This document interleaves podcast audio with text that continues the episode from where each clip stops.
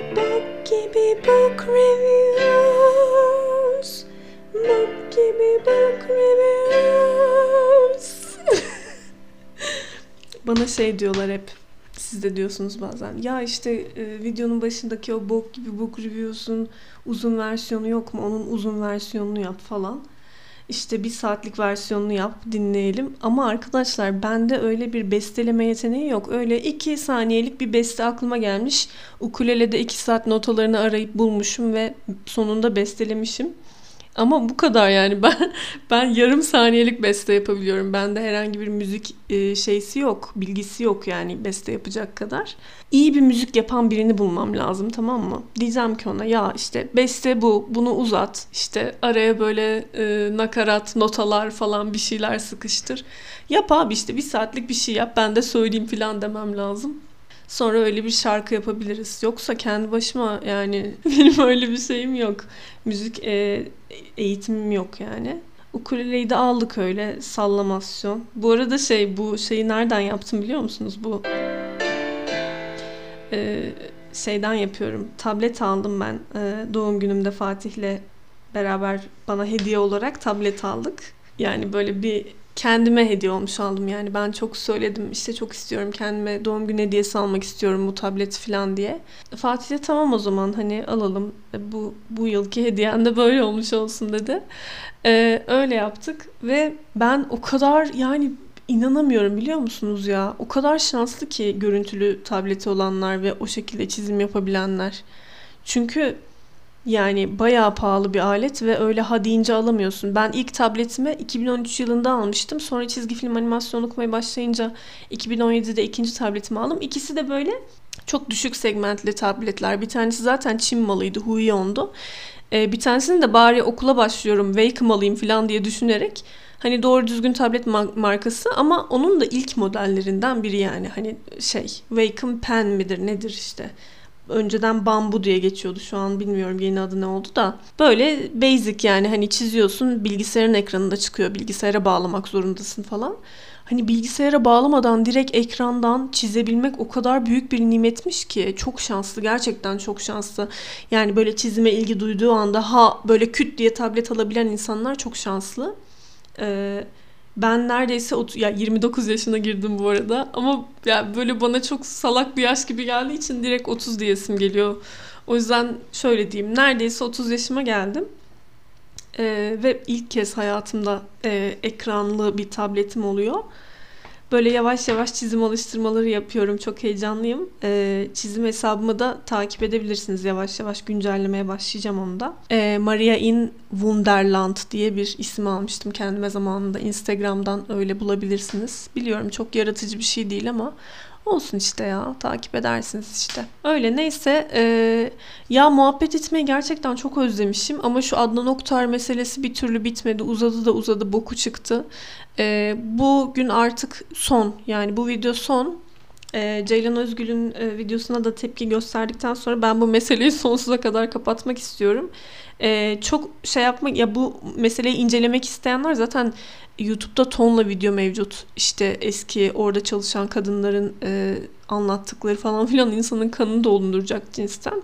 Bana da zaten sürekli buraya da yorum geliyor işte bana da böyle böyle yazmışlardı falan gibi. Bir de iki tane kitap varmış bu konuda. Ee, ikisini de şurada şey yapmıştım, listeme almıştım. Bir tanesinin adı Yüzyılın Davası. Bunu bu konuyla ilgilenen avukatlardan birisi yazmış. Ee, konuyla ilgili bütün şeyleri, ayrıntıları bulabilirsiniz. Bir de Kod adı Sapkın diye bir kitap. Ee, Fuat Kozluk yazmış onu da.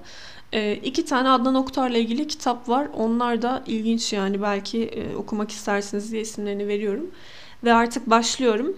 E, bu videoya da tepkimi verdikten sonra artık ben normal muhabbet etmek istiyorum sizlerle. Çünkü bir aydır düzgün normal bir şekilde konuşamadık yani.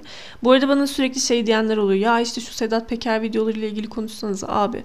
Konuşacak bir şey yok zaten. Twitter'da ne şey ne düşünüyorsam Twitter'a yazıyorum zaten. Resmen yazık yani ya o kadar. Ya zaten hep böyleydik de 30 yıldır 40 yıldır 90'larda yani şey o belgeseller falan var ya hani 90'larda neydi ya işte Mehmet Ali Birand'ın belgeselleri var 32. günde. İşte o belgesellerde hep böyle e, işte dolandırıcılık, mafya olayları falan filan hep böyle izlerdim. E, ama insan böyle yok canım o kadar da değildir filan diyor. Konduramıyor yani. Böyle denial aşamasında, inkar aşamasında oluyor Rus hepimiz. Ama öyleymiş yani. Devam ediyormuş yani 30 yıldır 40 yıldır hiçbir şekilde de, yani polisini, avukatını, bilmem nesini herkesi bir birkaç tane eli silahlı adam kontrol ediyormuş yani yazık. Gerçekten üzüldüm. Hani bir tek şey desek desek hani bir tek Tayyip Erdoğan'ın şeysi desek tamam ona bir şey söyleyeyim mi ona bile razıyım. Yani mafya, MHP'li işte böyle saçma sapan tipler işte biliyorsunuz kimlerden bahsettiğimi. Abi bilmiyorum ya işte üf, Twitter'dan okuyun işte çok sıkılıyorum gerçekten konuşamam yani saatlerce ben Ruşen Çakır mıyım da Sedat Peker analizi yapacağım boş verin ya. Biz eğlenceli konulara bakalım. Konuş gerçekten konuşmak istemiyorum ya. Şimdi eğlenceli konular deyip de Ceylan Özgül'ü izleyecek olmama ne demeli peki? Neyse işte. Ee, bundan sonra bu son bölüm. Bundan sonra gerçekten eğlenceli, e, keyifli bir şeyler konuştuğum bir bölüm olacak. Merak etmeyin. Evet, başlayalım. Hoş geldin. Hoş bulduk. Nasılsın? Rahat mısın koltukta? İyiyim. Beklediğinden daha rahatım. Bir gerçekten gözünün önüne getir. Belki kendi hayatında ekranı ikiye böl. Oradayken o 11 yılın içerisindeki Ceylan'da, bugünkü Ceylan'da insan olarak nasıl bir temel fark var? Oradaki o 11 yıl içindeki Ceylan'ın içinde pek fazla Ceylan yok. Ee, onun öncesinde Ceylan var. Onun sonrasında Ceylan var. Aslında orada yaşanan ben ve benim hayatım değil, o başka birisi. Yani orada oluşturulmuş bir birisi var yani. Bir şey söyleyeceğim bu arada. Bu tarikat e, eğer mesela bir hani demiştik ya işte kurtulamıyorlar mı? Hayır deyip evlerine gidemiyorlar mı falan ama eğer mesela bir kızı beğenirlerse kız reddetse bile e, devam ediyorlarmış. Peşini bırakmıyorlarmış. Başka bir videosunda anlatıyor Ceylan Özgül. İşte mutlaka alt katına taşınıyorlarmış, üst katına taşınıyorlarmış. Bir yerde tesadüfen karşılaşmış gibi yapıyorlarmış falan ama mutlaka peşine düştükleri kadını e, şey yapana kadar böyle içlerine alana kadar uğraşıyorlarmış. Bu da çok korkunç gelmişti bana. Kendi hayatını yaşamadığın, daha çok öğretileni, ezberleneni ya da belki baskı altında zorlananı yaşadığın bir evet. dönem var.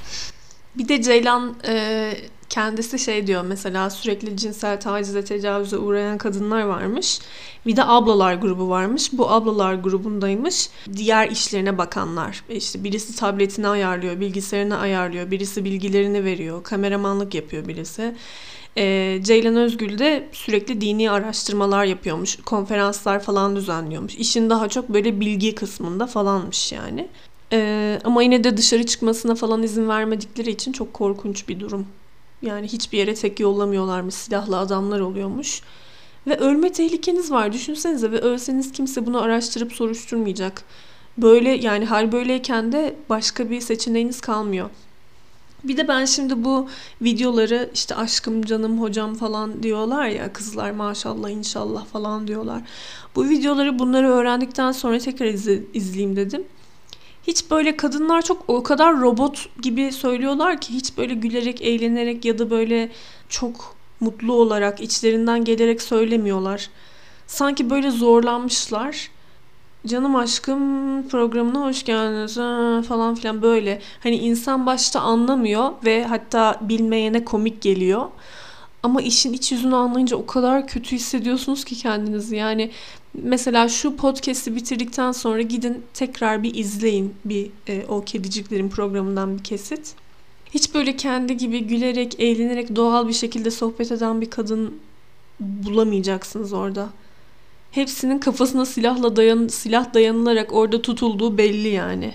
Gülüyorlarsa bile çok sahte bir gülümseme falan. Çok tuhaflar. Böyle hepsi çok tedirgin, gergin bir şekilde oturuyorlar. Adamlar bile öyle oturuyorlar. Bir de bu Adnan Oktar'ın bir tek sağdan çekiliyormuş. İşte farklı açılardan çekilmeye izin vermiyormuş. Sürekli azarlıyormuş. Doğru çekilene ve doğru bir şekilde aşkım, hayatım, canım falan denene kadar e, sürekli hakaret ediyormuş. Ay, devam edelim. 11 yıl da az bir zaman değil Ceylan evet. gerçekten. Şöyle desem yaşanmamış, kendin gibi yaşanmamış 11 yıl için şu an nasıl hissediyorsun? Orayla ilgili e, şu anda bir şey hissetmiyorum. Belki e, bunun hesaplaşmasını yapabildiğim için bir kapanma yaşadığım için olabilir bilmiyorum ama hani oraya dönüp baktığımda böyle bir hırs, işte e, bir üzüntü, sadece aldığım dersleri düşünüyorum. Kapanma derken, hesaplaşma derken şey demek istiyor. Yani ben artık o defteri bu adının yani ben o tarikattaydım 11 yıl boyunca o tarikatta kaldım. Ama artık işte bu konu hakkında konuşuldu gerekenler yapıldı. Muhtemelen terapiye falan da gitmiştir. Çok ciddi psikolojik destek aldığını düşünüyorum buradan çıkan insanların. Çünkü şey gibi ya hani ya bir kült içindesiniz. Paylaşılmış psikoz deniyor genelde böyle şeylere. Şimdi ben tabii ki her zaman söylüyorum psikolog değilim ve e, teşhis koymak gibi ol, olmasın ama hepsinde genel olarak bir travma kaldığını şey yapmak için psikolog olmaya da gerek yok herhalde. Mutlaka travmatik bir deneyim olmuştur hepsi için. Gülene yani silah zoruyla getirildiğin bir yerden gülüp oynayarak ayrılacak halin yok yani. E, muhtemelen psikolojik destek falan almışlardır. O kapanma derken o defteri kapattım. Ben artık hesaplaşmamı yaptım. O yüzden bir, bir şey hissetmiyorum derken bence ondan bahsediyordur. Yani ilk çıktığı anda o evden ilk çıktığında dışarı ilk adımını attığında e, bu soru sorulsaydı bence çok farklı cevap verirdi. Bir de 11 yıl dile kolay ya. Bu genelde mesela bu bir insanın yıllar kaybetmesi konusu açıldığında aklıma hep şey geliyor. Ya böyle suçsuz oldukları halde hapiste olanlar ya da e, trans insanlar aklıma geliyor. Mesela atıyorum açılamamıştır. E, 20-25 yaşında açılmıştır. Ama insanlar 10 yaşında fotoğraflarını paylaşıyordur. 10 yaşındaki deneyimlerinden bahsediyordur. Ama o hayatını 10 yaşındayken istediği gibi yaşamadığı için o yıllar ona kayıp yıllar gibi geliyordur. O yüzden böyle kayıp yıllardan bahsedildiğinde aklıma hep şey geliyor. Ya böyle e, masum olduğu halde hapiste hayatı gidenler ya aslında Ceylan Özgül de onlardan biri. E, ya da işte e, trans olup ya isteme ya hapis olmak aslında. istemediğim bir bedende hapis olmak aslında trans olmakta. O yüzden e, o kayıp yıllardan dinde hep o aklıma geliyor. Ki onun sonrasında başlayan dava olmasaydı, işte şikayetçi olmasaydım, polise gitmeseydim belki daha farklı hissederdim. İnsanlar genelde e, beni yakından tanımayan insanlar yani. ismini duyduklarında işte Adnan Hoca'nın yanından kaçan işte veya işte Adnan Hoca operasyon düzenleten kız falan gibi e, tanıyorlar. Ben kendimi böyle tanımıyorum. Bütün o öyküyü konuşurken gelen başa dönelim. Ya bu arada bir şey söyleyeceğim. Ee, bu Katarsis'teki adamın adı ne? Gökhan Çınar. Psikolog galiba. Ya konuşması çok böyle yumuşak falan ama çok böyle of çok rol kesiyor gibi geliyor bana ya. İşte falan böyle ulvi bir ses tonuyla konuşmaya çalışıyor ya. Çok gıcık oldum o yüzden neyse. Bütün o öyküyü konuşurken gelen başa dönelim. Beraber o doğduğun eve dönelim. Bütün o öyküyü konuşurken gelen başa dönelim. Beraber doğduğun eve dönelim. ya gerçek ses tonu buysa bir şey demiyorum da. Uyuz oldum neyse. Sen nasıl bir eve, nasıl bir aileye doğdun? Beni çok seven bir eve doğdum. E, maddi imkanları birçok kişiden daha geniş olan bir eve doğdum. Ve benim eğitimimle, kendi kişisel gelişimimle çok ilgilenen, o zaman fark edemediğim, şu andaki yaşımda bunu anladığım kişilerle doğdum. O zaman bunu anlayamıyordum. Çünkü biraz e, ailemin bana yaklaşımı etraftaki arkadaşlarımın ailelerinin yaklaşımından farklıydı. Nasıl? Mesela çok basit bir örnek vermek gerekirse çok küçükken e, hani işte arkadaşlarınızla oynuyorsunuz. Onlar bir anda sizi oynatmamaya karar veriyor.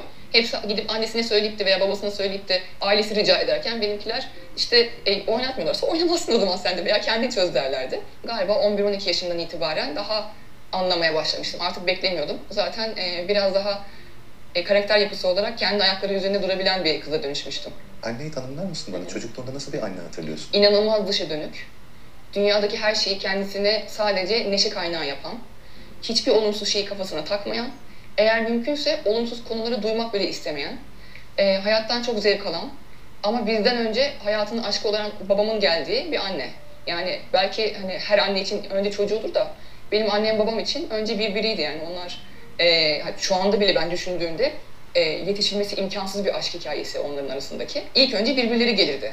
Ee, çocuğu oynatmıyorlarsa oynama. Kendin çöz falan ya küçük bir çocuğu ya demek ki yaralanmış bu bu, bu yüzden ve ki anlatma gereği duyuyor şu anda.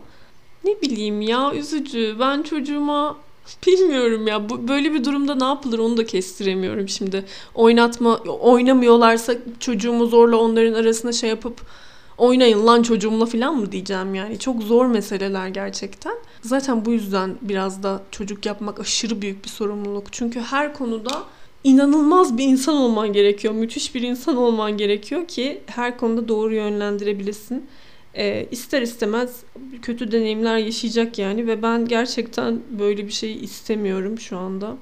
Her neyse e, şey diyor bir de ya o çok üzücü. Benim annem de biraz öyledir. E, kötü şeyleri duymak bile istemeyen her şeyi neşe kaynağı yapan diyor.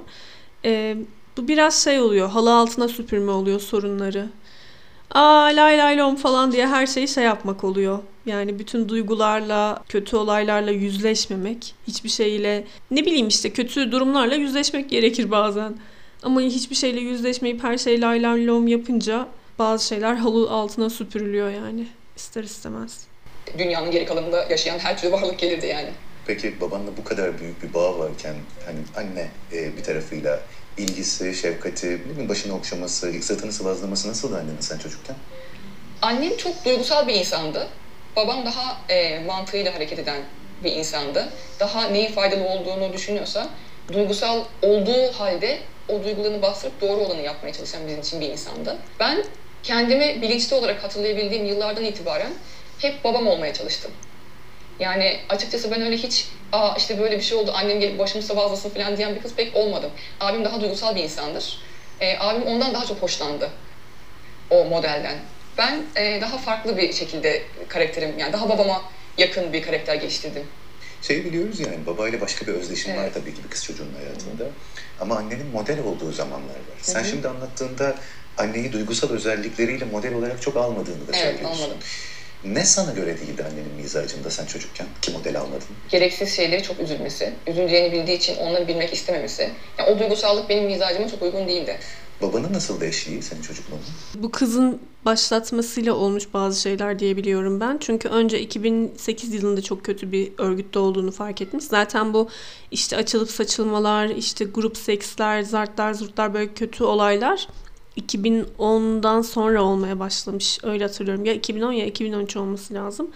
Önce 2008'de yavaş yavaş kıyafetleri açılmış. Sonra işte yavaş yavaş başka kurallar gelmiş falan. Böyle şeyler olduğunu bildiği için iki kere falan kaçmaya çalışmış. Ya da işte e, bu bir de şeylerden bahsetti biliyor musunuz? İşte devletin arkasından iş çeviriyorlardı. Askeri olarak silah kaçakçılığı yapıyorlardı. Böyle çok karanlık işler vardı filan diyor. Sonra işte ben de demiştim ya size e, nere, nere, nereden para geliyor bu insanlara. Gerçekten inananlar varmış biliyor musunuz? Adnan Oktar'ın Mehdi olduğuna, bunun e, asıl İslam olduğuna falan ve her ay böyle milyonlarca lira bağış geliyormuş biliyor musunuz? İnanılmaz bir şey ya. Yani bağışa ihtiyacı olan o kadar e, ne bileyim işte ya güzel şey varken hayatta ve ülkemizde gidip de böyle saçma sapan bir şeye bağış yapmak korkunç değil mi ya? İşte o bağışlar sayesinde ve e, yasa dışı yaptıkları etkinlikler sayesinde parasal olarak bu kadar güçlülermiş. Ve bu Ceylan Özgül bu şeyleri fark ediyormuş. Zaten tipi de öyle değil mi? Böyle çok zeki, aşırı böyle hani gizli ajan falan gibi durmuyor mu? Saç modeli bile öyle. Ee, çok böyle sanki şey gibi geliyor bana zehir gibi akıllı falan ve e, böyle kendi başına ya birazcık böyle şey o tetiklemiş bu durumu kaçmaya çalışmaları sonra işte insanlara bunları anlatmaya çalışmaları falan bir de ailesine şey yapmak zorunda kalmış. Gerçi onu ileride anlatacak galiba da yine bir söyleyeyim ben. E, ailesi ya böyle sürekli bu binaya gelip Bina zaten silahlarla kor- korunuyormuş da insanlar yalvarıp yakarıyormuş çocuklarımı e, geri verin falan filan diye. E, sanırım e, Ceylan Özgün'ün annesi ve babası da sürekli işte onu geri almaya çalışıyorlarmış ama e, onlara şeydi yani onları uzaklaştırmak için ben ben sizi tanımıyorum. E, işte gidin hayatımdan falan gibi şeyler e, söylemiş böyle haberlere falan o şekilde konuşmuş ki annesi babası daha yakına gelip zarar görmesinler diye. Ee, babam çok ilgilenirdi her şeyimle. Yani kendisine göre gerekli gördüğü şeylerle ilgilenirdi. Gerçek hayatta hiçbir işime yaramayacak konulara eğer vakit harcıyorsam o da ilgilenmezdi. O konularda o zaman doğal olarak benim dikkatimden çıkıyordu. Belki de babama hayran olduğum için işte e, o böyle diyorsa böyledir mi diyordum. Ya babamın oluşturduğu dünyayı model aldım. Bir taraftan hakikaten hayata böyle kuvvetli bir yerden giren bir çocuksun büyüme hikayende. Fark ediyorsun, araştırmaya başlıyorsun, e, din üzerine, felsefe üzerine, siyaset Evet. üzerine kafa yormaya başlama çok erken yaşlara Evet, denk geliyor.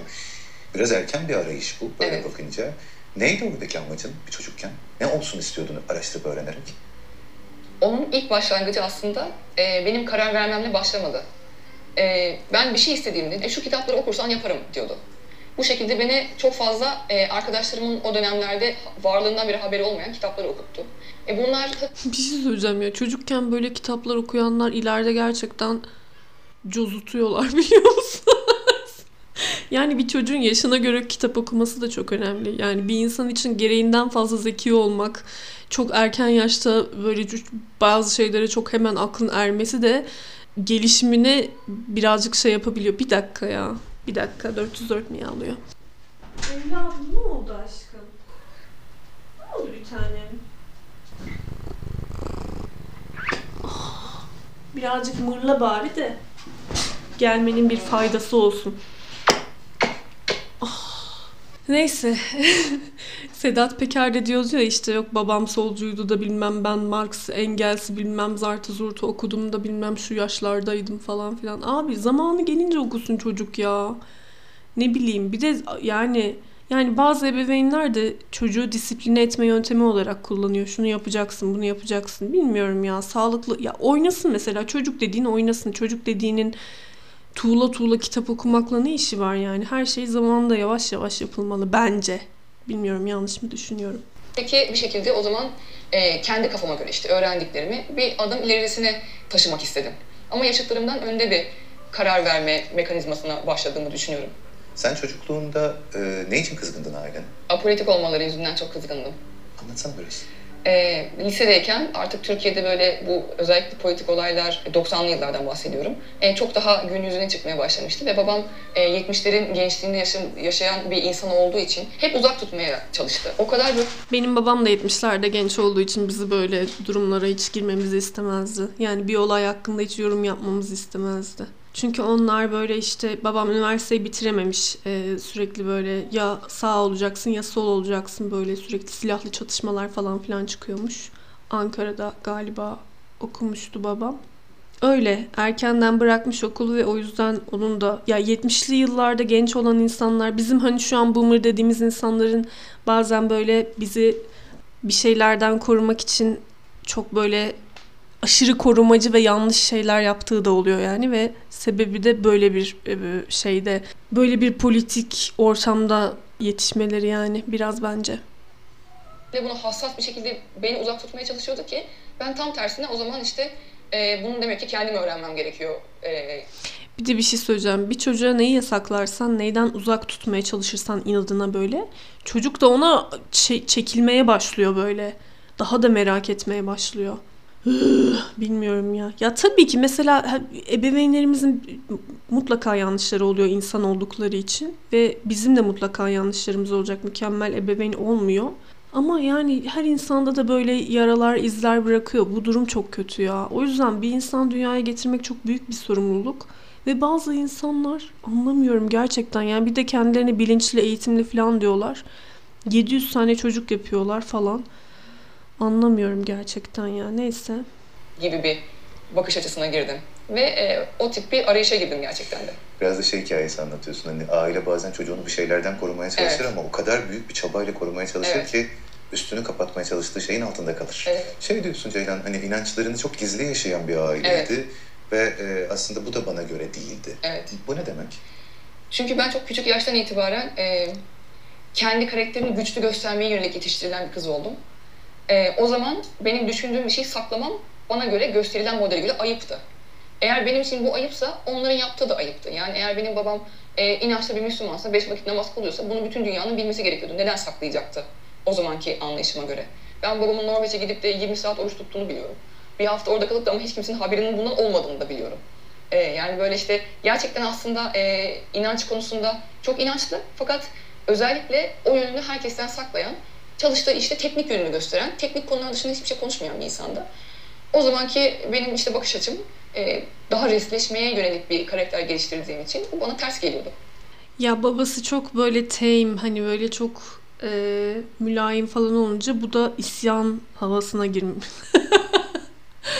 Ay Can Kılıç'ın bir karikatürü vardı ya. Karikatür değil bir çizgi romanından alıntı. E, böyle gezi olaylarıyla mı bir şeyle ilgili bir e, protesto bir şey yapılıyordu. bir çocuk da yanındakine şey diyordu. İsyan kafasına girmişler kanka gereksiz. Yani böyle insan yapılan haksızlıklara karşı göz yumamıyor değil mi? Böyle bir şeyler yapmak zorunda hissediyor kendini. Öyle bir de ergenliğin verdiği coşkuyla herhalde öyle bir psikolojiye şey yapmış. Bir de babamdan daha güçlü olabileceğimi kanıtlamaya çalışıyordum bilmiyorum yani. Belki de eğer babamı bile yenersem çok güçlü olup o zaman en güçlü ben olacağım diye bir, öyle bir çocuksu bir şeye girmiş olabilirim yani. Olabilirsin tabii. Belki ergenlik içinde çok gerçekçi bir şey bu söylediğin. Çünkü Ya çok özür diliyorum. Kendimi övmek gibi olacak ama ben mesela analizimi, an, analiz, analizimi yaptıktan hemen sonra direkt onları konuşmalarını ne diyorsunuz? Şaka ya. Üç aşağı beş yukarı tahmin edilebilir şeyler de ne bileyim işte. Bir anda kendimi çok şey hissettim. Götüm kalktı yani. Neyse. iktidar figürü olarak gördüğümüz insanları aşıp geçmek Evet. e, egoyu, kendiliği daha kuvvetli yapabilir diye düşünür bir ergen bazen. Uzman psikologmuş. Yalnız bir şey söyleyeceğim ya ben bu YouTube kanallarındaki aşırı prodüksiyon olayına çok kılım ya. Böyle acayip kameralar, geçişler, katarsis ekstra, dum diu diu falan böyle bir ışıklar, bir sesler falan filan. Neyse. yani çok böyle şey bu şeyin galiba ya neydi o lavuğun adı? Bilmiyorum. Onun değilmiş galiba. Bilmiyorum. Bana göre TV. Ha başka birininmiş Mordak stüdyoları diyor ama Yine de ne bileyim abi yani böyle şeyleri izleyecek olsak televizyon izleriz yani. Böyle acayip şeyler falan. Bana hiç samimi gelmiyor. Hayalin neydi? E, ergenliği hatırla 14, 15, 16 yaşları. Bu dünyada sen ne olmak istiyordun? Sadece meslek değil sorduğum bu arada yani. Bu hayatta hayalin neydi? Tek başına yeten bir insan olmak istiyordum. Ah o kadar güzel bir hayal ki. Tek başına yetmek. Tek başına güzelce para kazanıp hiç kimseye bağlı olmadan müthiş bir hayat yaşamak. Süper bir şey ya. İnsan böyle inanılmaz özgür ve inanılmaz güçlü hissediyor o zaman. Dünyanın her neresine gidersem gideyim kendi başının çaresine bakan, orada bana e, hiçbir zararın gelmesine şey, gerek olmadan yani zarar getirmeden her şeyi yapabilen bir insan olmak istiyordum. Üniversite başlıyor. E, üniversite hayatın devam ediyor. Aslında o dönemde bir dönüm noktası. Benim de mesela bu soru bana sorulsaydı eğer meslek olarak sormuyorum falan diyor ya ben de şey derdim herhalde dünyada bir iz bırakmak. Yani böyle küçücük bir çizik kadar bile bir iz olsa e, bir iz bırakmak. iz bırakarak gitmek isterdim derdim herhalde. Herkesin hayali farklıdır ya benimki de bu işte. Çok da sikimizdeydim Meryem öf devam et. noktası gibi hayatın Evet. bir taraftan da. O zaman ÖSS sınavı vardı. Bir derece yapmıştım sınavda. Özellikle İstanbul Üniversitesi'ni tercih ettim. E, çünkü bahsettiğim o apolitiklik ancak böyle telafi edeceğimi düşündüm. Yani İstanbul Üniversitesi, Türkiye'nin her yerinden insanlar geliyor. İşte daha politik bir üniversite. Hele o zaman Ben de Marmara ile İstanbul arasında çok kalmıştım. Kadıköy'ü daha çok sevmiştim. Bana daha sevimli gelmişti. Ee, Marmara'nın o kampüsü de daha bana böyle rahat gelmişti. O Hasan Ali Yücel kampüsü çok şeydi böyle. Ya ne bileyim sevmemiştim işte tramvay falan böyle çok turistik falan bir yerde. Ee, bir de bu bunu düşünmüştüm. Ya İstanbul Üniversitesi ya sürekli e, sürekli politik olaylar oluyor falan. Hatırlıyor musunuz? Bir ara bomba pat, bombalar patlıyordu sürekli Türkiye'de 2015 civarlarında falan. Ee, bir arkadaşımın e, kaldığı yurt bomba patlamıştı ve arkadaşımın e, kaldığı yurdun camları falan kırılmıştı. Korkunçtu ya. İşte İstanbul Üniversitesi her zaman böyle olmuştur. Boğaziçi ve İstanbul Üniversitesi ve ODTÜ falan. Nedense Marmara, Yıldız Teknik falan da adı duyulmuş üniversiteler ama onlar hep böyle bilmiyorum daha sönük kalırlar. Bu arada e, bizim okulumuzdan mezun olan ünlülerden birkaç tane sayayım mı size? Recep Tayyip Erdoğan. Evet. Ee, Kemal Sunal. Kadir İnanır. Kadir Topbaş. Meral Akşener. Nihat Genç. Oh my god kadroya bak ya. Aa bir dakika bir dakika İstanbul Üniversitesi'nden mezun olan ünlüleri de sayayım. O da çok enteresanmış. Onlar da çok şeymiş. Süleyman Soylu. Abdullah Gül. Orhan Pamuk, Sertab Erener, Canan Karatay, Fatih Portakal, Oktay Kaynarca. Aman Allah'ım ya. Neyse. Devam edelim.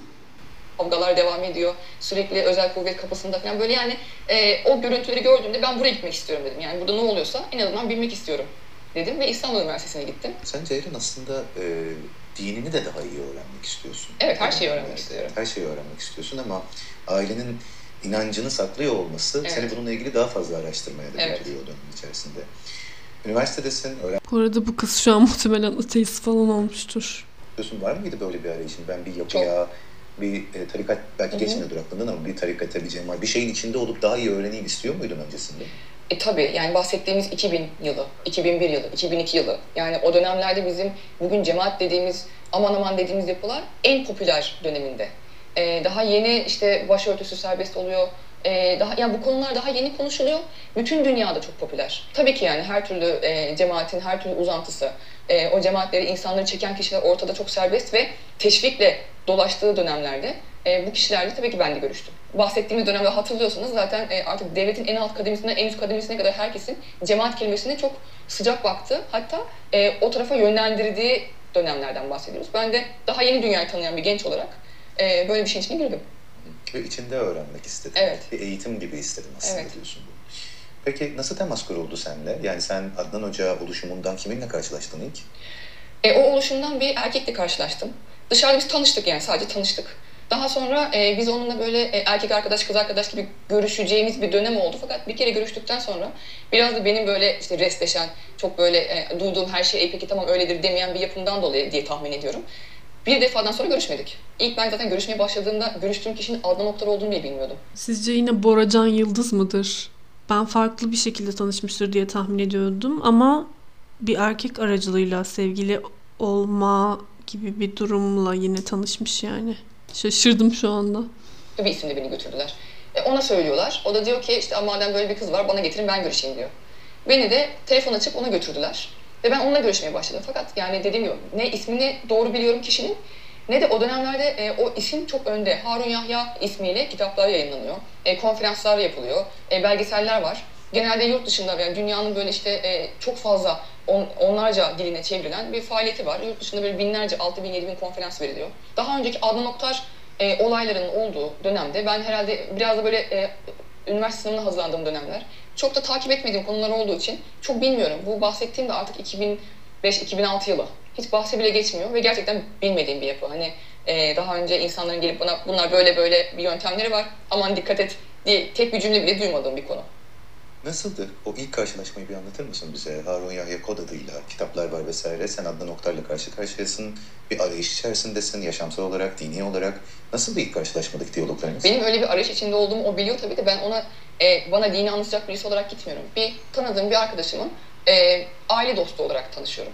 Ve bu insan benimle yaşça çok büyük bir insan, e, varlıklı, nüfuzlu bir insan.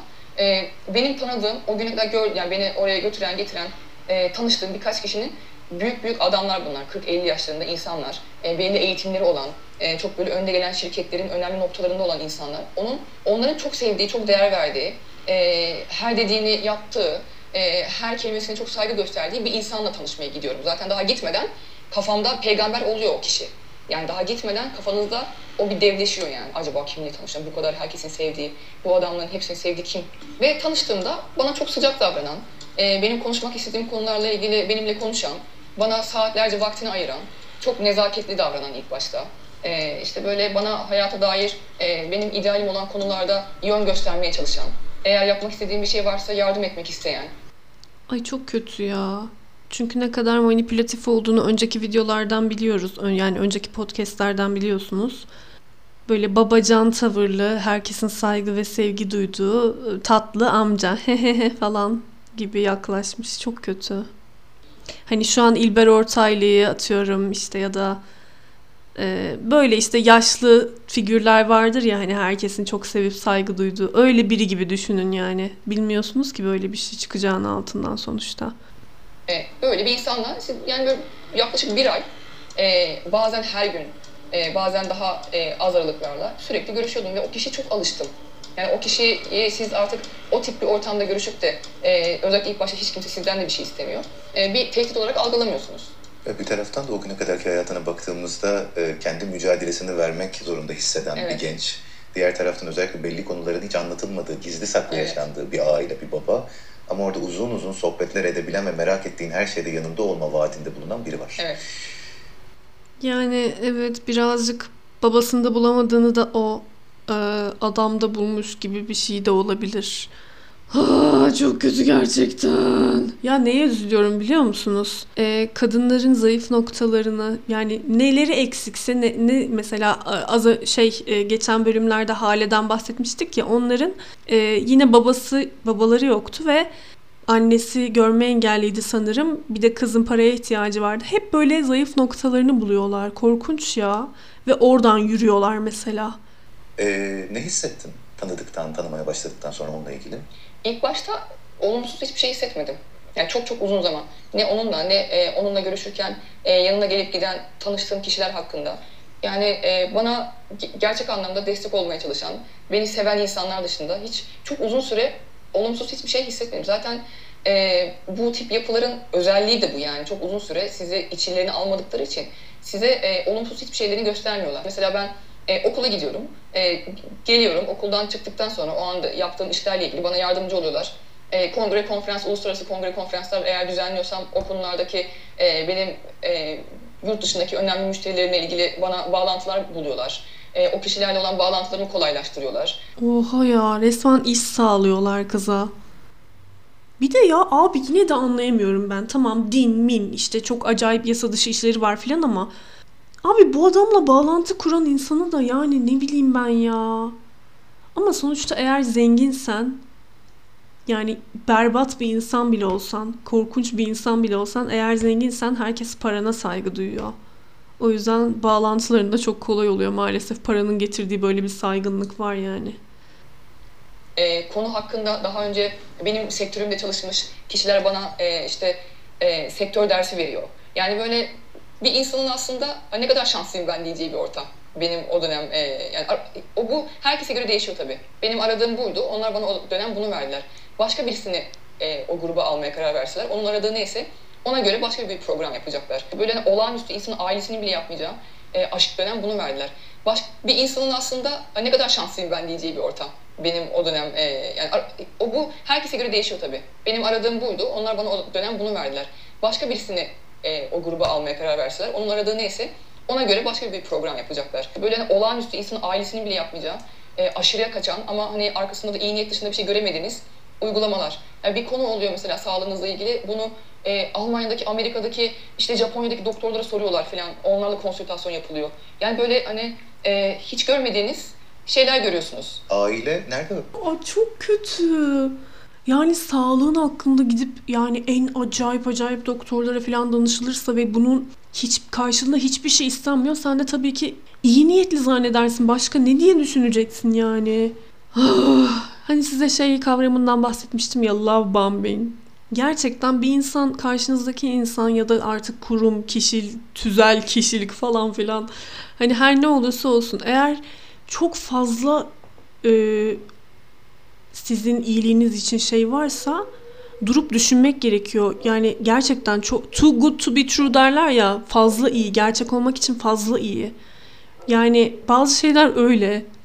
Bu tuzağa da düşmemek gerekiyor. Bir eğer bir şey gerçekten çok iyiyse, çok süperse falan kesin bir bokluk çıkıyor yani. Hani üzgünüm negatif konuşmak istemiyorum ama bir de şöyle bir durum var. Biz şimdi rahat rahat atıp tutuyoruz ama bu adamların şimdi böyle acayip acayip bağlantıları var. Mesela bir sürü insan e, kimdi ya?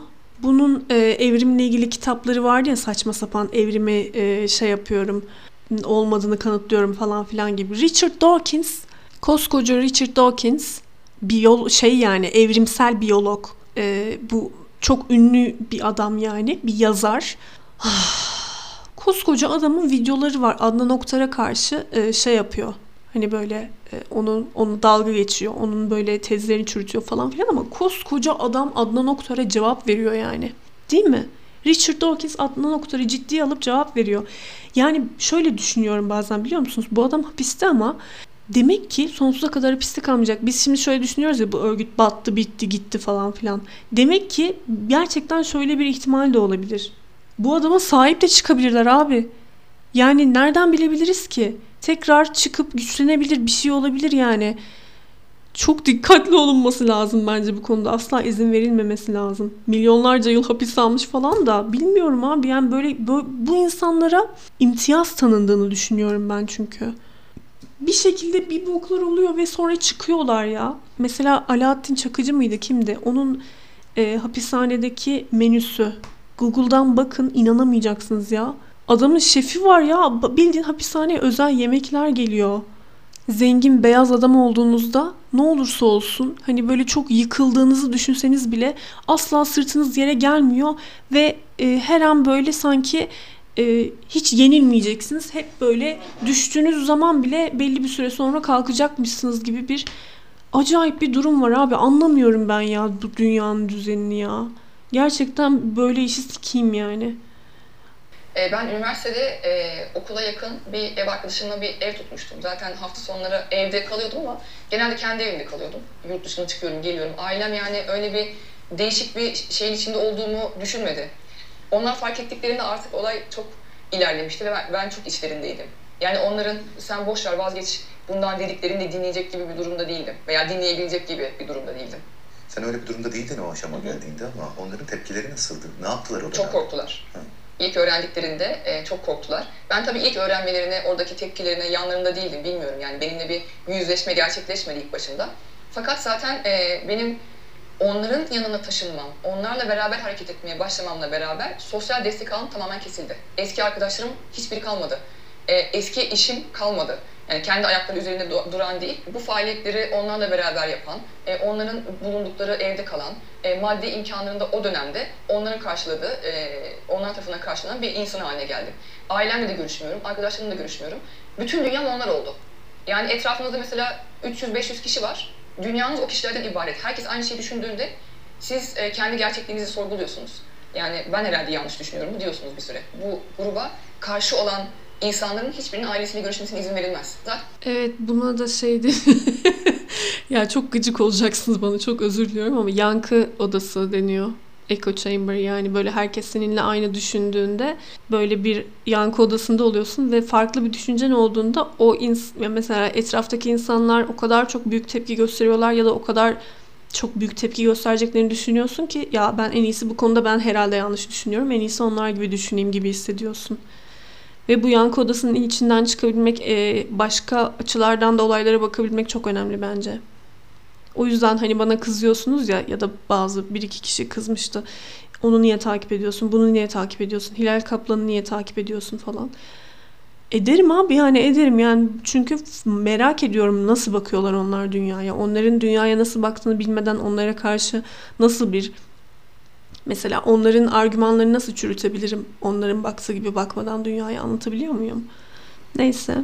İndoktrine edilmiş bir beyniniz var sizin o dönemde. Mesela siz diyorsunuz ki ben İslam için dünyada veya işte insanların Allah'ı tanıması için, e, bilimle inancın birleştiğini ispatlamak için bir faaliyet yapıyorum.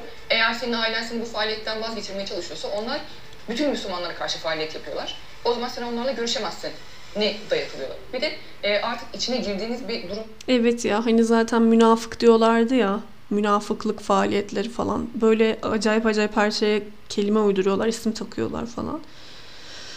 Ay yemin ederim daraldım olduğu için e, sizin alttan alta gözünüz korkutuluyor. Bir sorun çıkmasın diye bir süre idare etmek mantığıyla her adım yapıyorsunuz, her adım ilerliyorsunuz. Aslında sizin içinizden geçen e, bir şekilde ben bunu bir düzlüğe çıkartayım, yavaş yavaş ayrılayım oluyor belki. Ama o çok uzun yıllar alıyor. Onu siz baştan yapamıyorsunuz yani. Neyle korkutuluyor gözünüz söylem mesela? Senin neyle korkutuldu? Dışarıdan haber, doğru yani sağlıklı haber alabilme kaynağınız yok. Çünkü siz etrafınızda e, bu dünyadaki insanlar var e, her yaptığınız konuşma, e, gittiğiniz bir yer diye bir şey söz konusu değil zaten evden asla çıkmıyorsunuz. Eğer benim gibi bu hani yönetici kadınların olduğu bacı kelimesi geçen o gruptaysanız evden çıkmıyorsunuz. E, ailenizle bile telefonda konuşmuyorsunuz.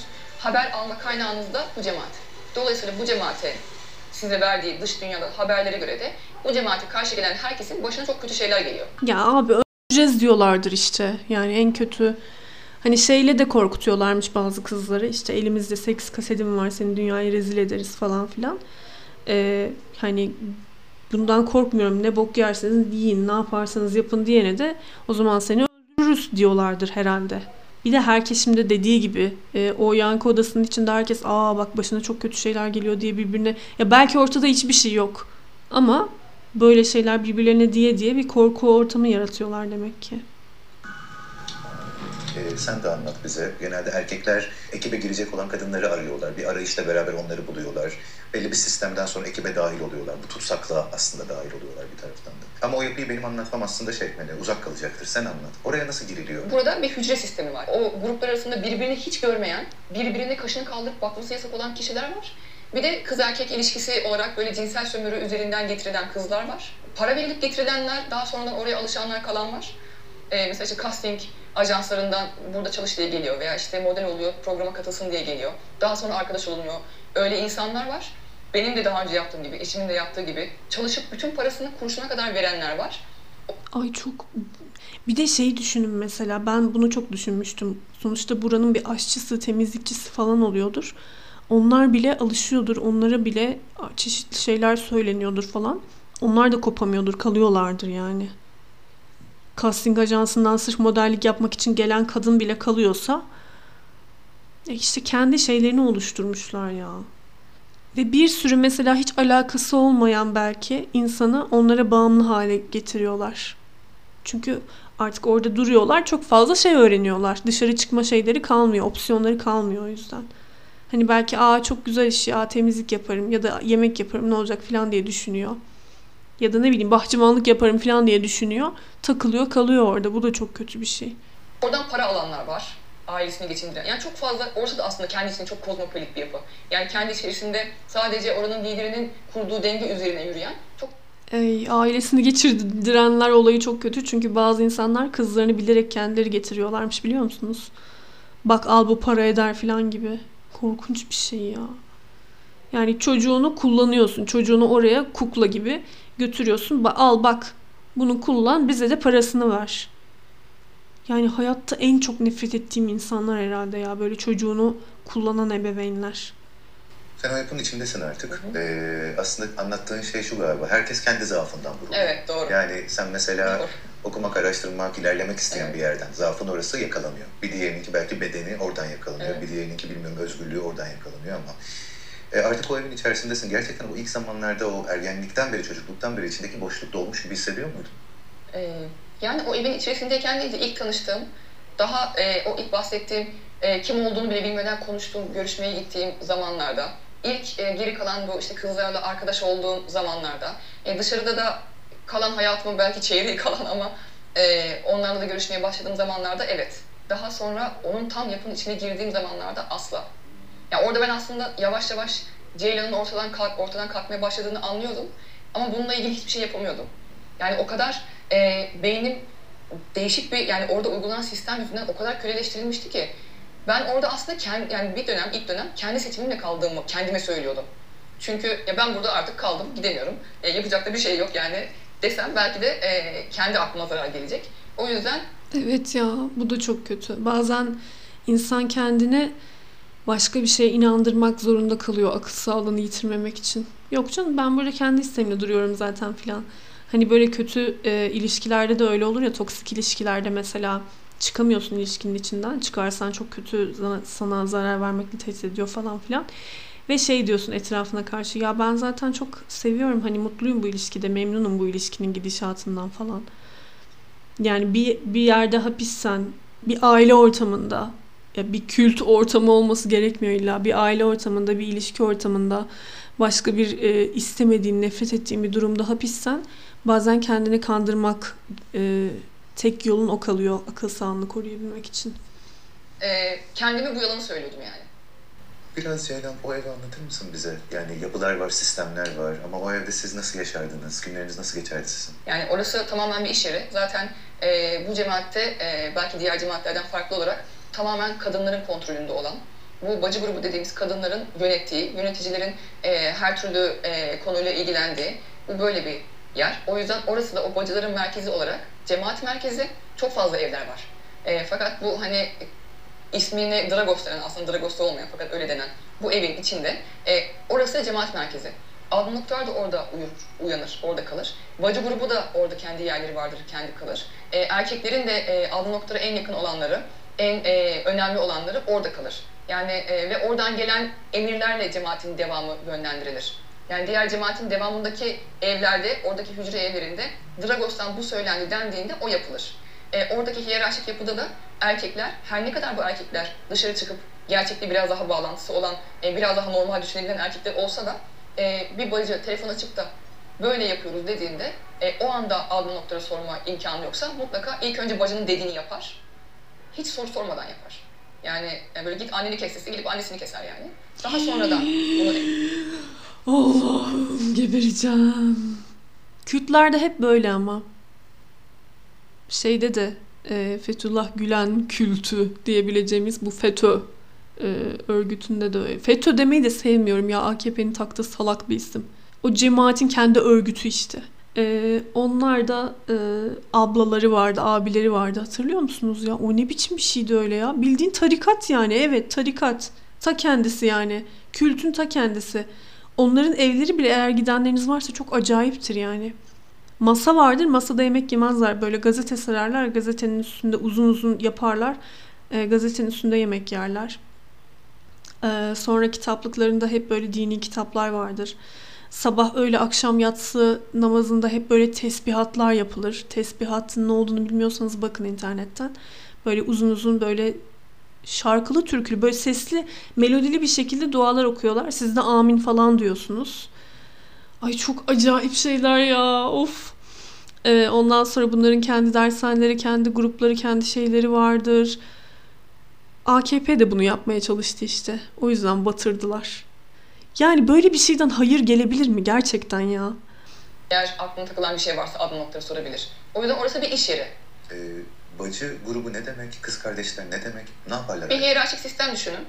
Ee, bir piramit var. Piramidin en tepesinde Adnan Oktar var. Adnan Oktar mutlak lider. Her dediği yapılır. Hiçbir dediği e, kendisi izin vermiyorsa nedeni sorulamaz. Onun altındaki yöneticiler grubu var. Yürütme mekanizması var. Bu yürütme mekanizmasının kadın olanları, daha üstte erkek olanları, kadınların bir altında, onun altında yine kendilerine bağlı gruplar olan, yine başına yöneticileri olan e, gruplar ve yöneticileri var. Bacılar grubu. Bu piramidin en üstünde Adnan Oktar'dan sonra olan e, Adnan Oktar'dan sonra ki o asıl yönetici grup olan bacılar var. Bir de daha farklı bacılar var. E, bu bacı grubunun tanımı aslında e, hayatları boyunca cinsellikten de uzak, dış dünyadan uzak, e, birkaç tane izin verilenler dışında, özel seçilenler dışında dışarı hiç çıkmayan, e, çalışmayan, e, kendi aileleri olmayan, aileleriyle mümkün mertebe hiç görüşmeyen, e, tamamen hayatını oraya adamış bir e, grup. Çok ilginç değil mi ya? Erkeklerden değil de kadınlardan seçmesi. Kendinden piramidin bir altına erkeklerden değil de kadınlardan seçmesi. Rahibe gibiler bu arada. Hiç cinsellik yok, başka bir şey yok, aile yok. Hiçbir başka hayatı yok. Sadece Adnan Oktar'a hizmet ediyorlar. Hani o tanrı onlar da şey gibi böyle melekleri falan gibiler yani öyle düşünün. Ama bana yine de ilginç geldi kadınları konumlandırması orada. Yani kız kardeş grubu da. Bir de bence o tepki çekmemesinin, şüphe toplamamasının sebebi de olabilir. Sürekli erkekler falan olsaydı belki bu kadar e, uzun yıllar temiz bir şekilde götüremeyebilirlerdi gibi hissediyorum. Daha genç insanlardan oluşan veya işte genç olmasa da o grubun içerisinde olmayan bir alt grup. Sempatizanlar başka bir alt grup, destekçiler başka bir alt grup. Bunlara örgüt içerisinde verilen isimler. Hepsi aslında aynı cemaatin parçası yani. Ceylin 11 yıldan bahsediyoruz. Evet 10 yıl, 10-11 yıl. Evet 10-11 yıl. Ömrünün bir kısmı bu Evet. aslında. Önemli de bir kısmı. Bir kendini hatırla orada, o dünyanın içerisinde. Nasıl anlar geliyor gözünün önüne? Yani inanın siz bana bunu sorduğunuzda hatırlıyorum. O kadar e, benim aklımda bulanık ki. E, bunu özellikle oturup hatırlamaya çalıştığımda hatırlayabiliyorum. Baskı, mutsuzluk, hayal kırıklığı. E, Ay. Çok kötü şeyler başınıza geldiğinde bunları bazen beyniniz hafızadan tamamen silerek e, şey yapıyormuş. Baş etme mekanizması o, oluyormuş yani bu beyninizde. Buna disasosi... ya çok özür dilerim. Ya hep böyle bu tarz psikolojik şeylerle ilgili şeyler dinlediğim için hep böyle bilgileri de hep İngilizce biliyorum o yüzden ya kusura bakmayın. Disassociate yani kendini bu olaydan koparmak yani böyle tamamen e, hafızadan silme olayına deniyor. Ben Ağrı'da 6 ay öğretmenlik yaptım ya. Çok zor hatırlıyorum biliyor musunuz bazı şeyleri. E, ve oradaki fotoğraflarım falan da hep silindi. Öyle e, bana mesela benim hayatımdaki en net disassociation olarak bunu örnek verebilirim. Ben orada hiç öğretmenlik yapmamışım gibi geliyor bazen. Sizin de mutlaka böyle anılarınız vardır yani hatırlayamadığınız. Yani bu olmuştur mutlaka ama siz hatırlayamıyorsunuzdur. Çünkü beyin o şekilde mücadele ediyor o durumla. E, manipülasyon, onun dışında hiçbir şey olmayan bir 11 yıl. En zoru 2017'de yanlış hatırlamıyorsam 2017 evet. Ayrıldığından 3-3,5 yıl önce kaçmaya çalışıp yakalandığım gün. Zaten ondan sonra her şey çok çok daha zorlaştı benim için. Orada artık fizik, yani sadece zihinsel olarak değil, fiziksel olarak da gerçek anlamda bir tutsaklık ortaya çıktı. Doktora gidiyorum diye çıktım. Beni doktora götürdüler. Planım hastaneye gidip hastaneden kaçmaktı. Ee, yani uzun lafın kısası kaçamadım. Geri döndüğümde e, kaçtıktan sonra neler yapmaya çalıştığımın planlarını da anladı Adnan Oktar ve e, o grup. Dolayısıyla her türlü önüm kesilmiş oldu. Başka bir eve gönderildim. Bu evin bütün kapılarına, pencerelerine demir parmaklıklar yerleştirildi. Bu evde 24 saat e, kapıları gözleyen nöbetçiler kondu. Ay, çok kötü. Ya düşünsenize ya markete bir çikolata almaya bile gidemiyorsunuz. Böyle bir hayat yani gerçekten korkunç insanlar ya. Ah neyse. E, böyle bir vakit geçirdim. Burada konuşulan iddialar arasında dayak var, şiddet var, cinsel istismar var. Biraz sen bildiklerinden anlat isteyeceğim Ceylan. Ne oluyordu orada? Ee, bir kısmı sonradan konuşulmaya başladı. Bir kısmı baştan beri konuşulurdu. Mesela dayak konusu ben oraya gittiğim ilk günden itibaren e, var olan bir konuşma şekliydi. Ben oraya gittiğimde ne kadar çok dayak olduğunu gülerek Oktar anlatırdı. Yanındaki kızlar da o bacı grubundan da birkaç kişi. Onlar da bunu komik bir şeymiş gibi böyle gülerek anlatırlardı. E siz zaten bunu duyduğunuzda bir kere bir ciddi bir ürperme geliyor üzerinize yani ciddi olarak korkuyorsunuz. Bu bir daha olmayacak, ol, olmaması garanti bir şey değil. E, kaldı ki benim yanımda dövdüğü insanlar da oldu, hiç olmadı değil. Ama tek tük oldu ama daha önce her gün e, olan bir olay olduğunu biliyorum. Bir de e, bu bacılardan biri daha yaşlı bir kadındı. İsmini hatırlayamadım şu anda. Şey diyor. Böyle köpek taklidi yaptırıyorlar, yaptırıyormuş Adnan Oktar kadınlara. Böyle aşağılamak için dövüyormuş. e, köpek taklidi yaptırıyormuş. Yerlerde sürüklüyormuş. Ne kadar ne kadar korkunç, ne kadar aşağılayıcı bir insanın onurunu ne kadar zedeleyen bir şey değil mi? Başka bir canlıymış gibi. Ya orada mesela çok ciddi bir ortam var.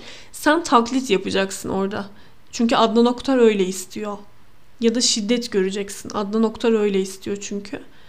Ve senin mesela ben, benim gözümün önünde bir şiddet yaşanıyor ve ben buna bir tepki gösteremiyorum. Çünkü tepki gösterirsem ba- be- beni de dövecekler belki mesela.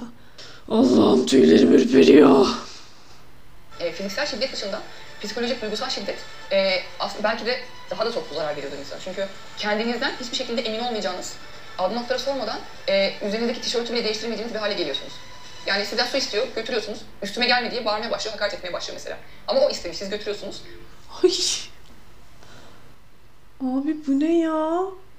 Bu ne lan? Böyle yaşanır mı? Ay lütfen, lütfen. Umarım çürür yani. Umarım hapislerde çürür. Umarım hiçbir şekilde imtiyaz gösterilmiyordur. Umarım yani böyle hayat ya böyle gün yüzü görmesin yani.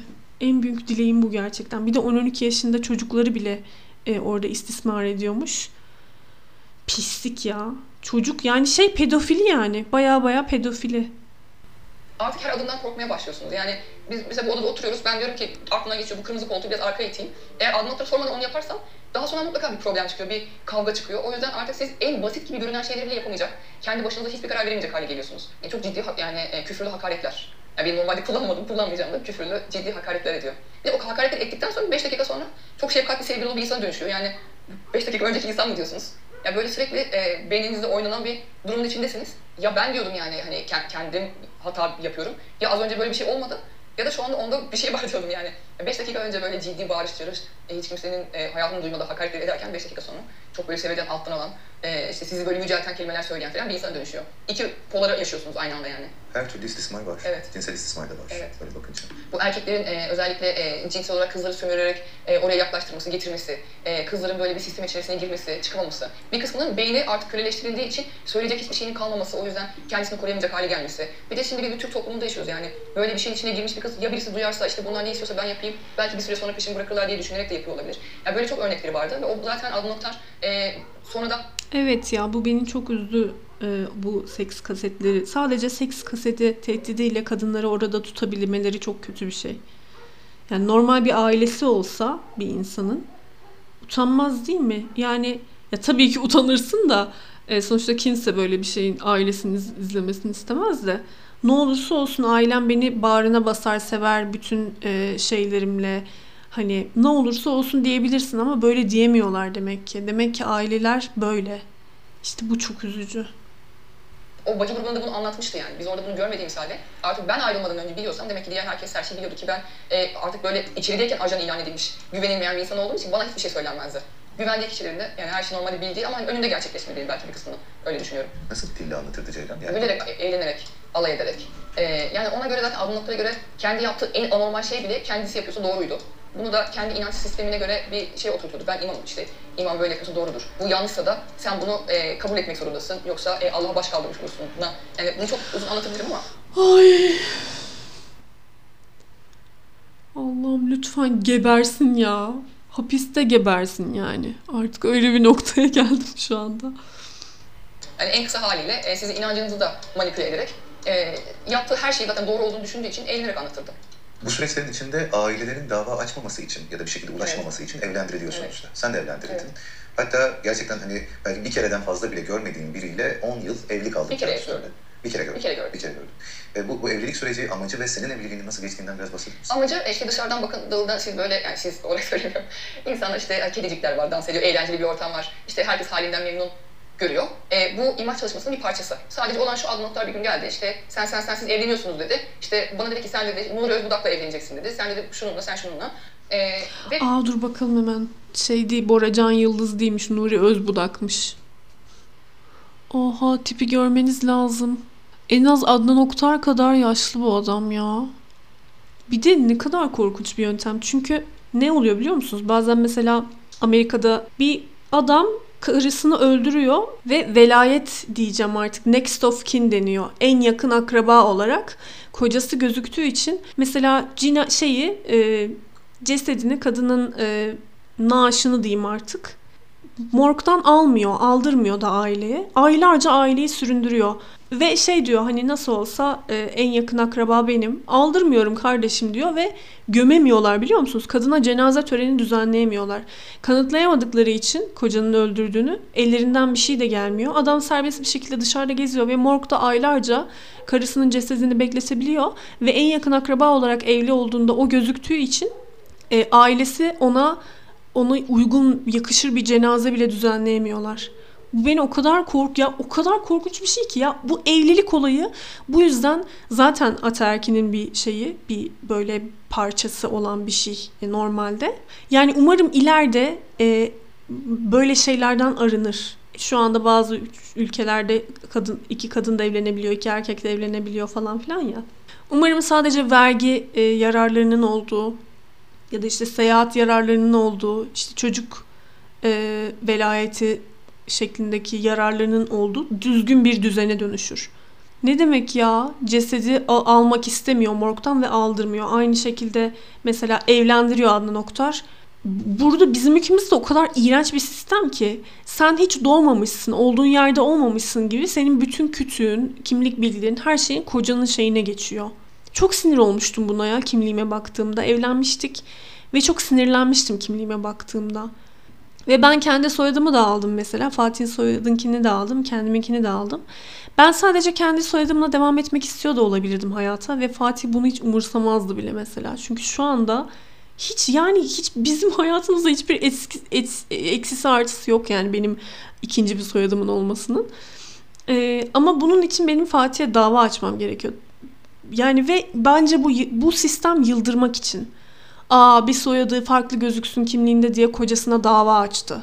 Yani böyle bir şey ve koca da tabii ki e, ıh, yani dava açar hani böyle ilişkiyi yıpratmak için bir adım gibi yapıyorlar ki insanlar yılsın ve böyle bir dava açmasınlar. Kadınlar böyle bir şey yani böyle bir emsal karar gerekiyor. Doğru düzgün ya da bir yasa çıkması gerekiyor ki kadınlar sadece kendi soyadını kullanabilsin ve böyle kütükleri saçma sapan bir şekilde başka birinin doğduğu yere gitmesin yani. Çok saçma değil mi yani? Yine sinirlendim durup dururken. Bu evlilik olayını da bak çok ustaca kullanmış mesela. Koca olduğu için diyor ne yani aile artık hesap soramaz bu adamın üstüne diyor. Adam hiç hayatında görmemiş ama evlendiriyor. Ha kağıt üstünde kadının bütün her şeyinden o adam sorun, sorumlu olduğu için hiçbir şekilde hesap vermek zorunda değil. Oh ne ala ne memleket ya. Gerçekten sikeyim böyle düzeni yani. bütün zaten ön hazır, hazırlıkları yapılmış. E, biz sadece gidip bir yerde e, hani bir seremoni bile yok. Sadece işte bir imza attık. Orada hayal meyal gördüğüm kadarıyla yani kağıt üstünde evli olduğum kişiyi gördüm. Bir evliliğin e'si bile yok yani ortada. Kağıt üstünde baktığınızda yani siz eğer bu basının yansımasına söylerseniz evli misiniz? Evet, evet evliyim diyebildiğiniz bir insan. O stüdyoları zırhlı araçlarla götürülüyorsunuz. Orada e, işte yüzleriniz, gözünüz, bedeniniz, kıyafetinize kadar. Bu arada e, stüdyolara zırhlı araçlarla gitmeleri de çok tüyler ürpertici bir durum da. E, bu Ceylan Özgül'e cinsel istismar olayları sorulduğunda yani direkt size yapıldı mı diye sorulduğunda hiçbir şekilde cevap vermiyor ve ya cevap vermek zorunda da değil zaten buna. E, konuyu hep e, şeye getiriyor. Orada cinsel istismara şey yapmış, uğramış başka kişilere getiriyor. Yani belki bacılar da cinsel istismara uğruyordur Adnan Oktar tarafından. Bunu tam bilemeyeceğim. E, ve ya, elimizde hiçbir bilgi yok. Hiçbir şeyden emin olamayız. E, ama Ceylan Özgül hiçbir zaman şey demiyor. Mesela bu çok dikkatimi çekti. E, diyorsa da ben duymadım dediyse de. Ben duymadım düzeltirsiniz. E, ben orada hiçbir şekilde cinsel istismara uğramadım. Bacı grubundaki hiç kimse cinsel istismara uğramıyor filan demiyor kesin olarak. Yani bir boklar demek ki dönmüş yani ya da dönüyordu. Bu da çok üzücü. kadar bir vitrin sağlanıyor. E, halk buna kedicik diyor. Sizlerden kedicikler ya da işte erkek müziklerden aslan olarak bahsediliyor galiba.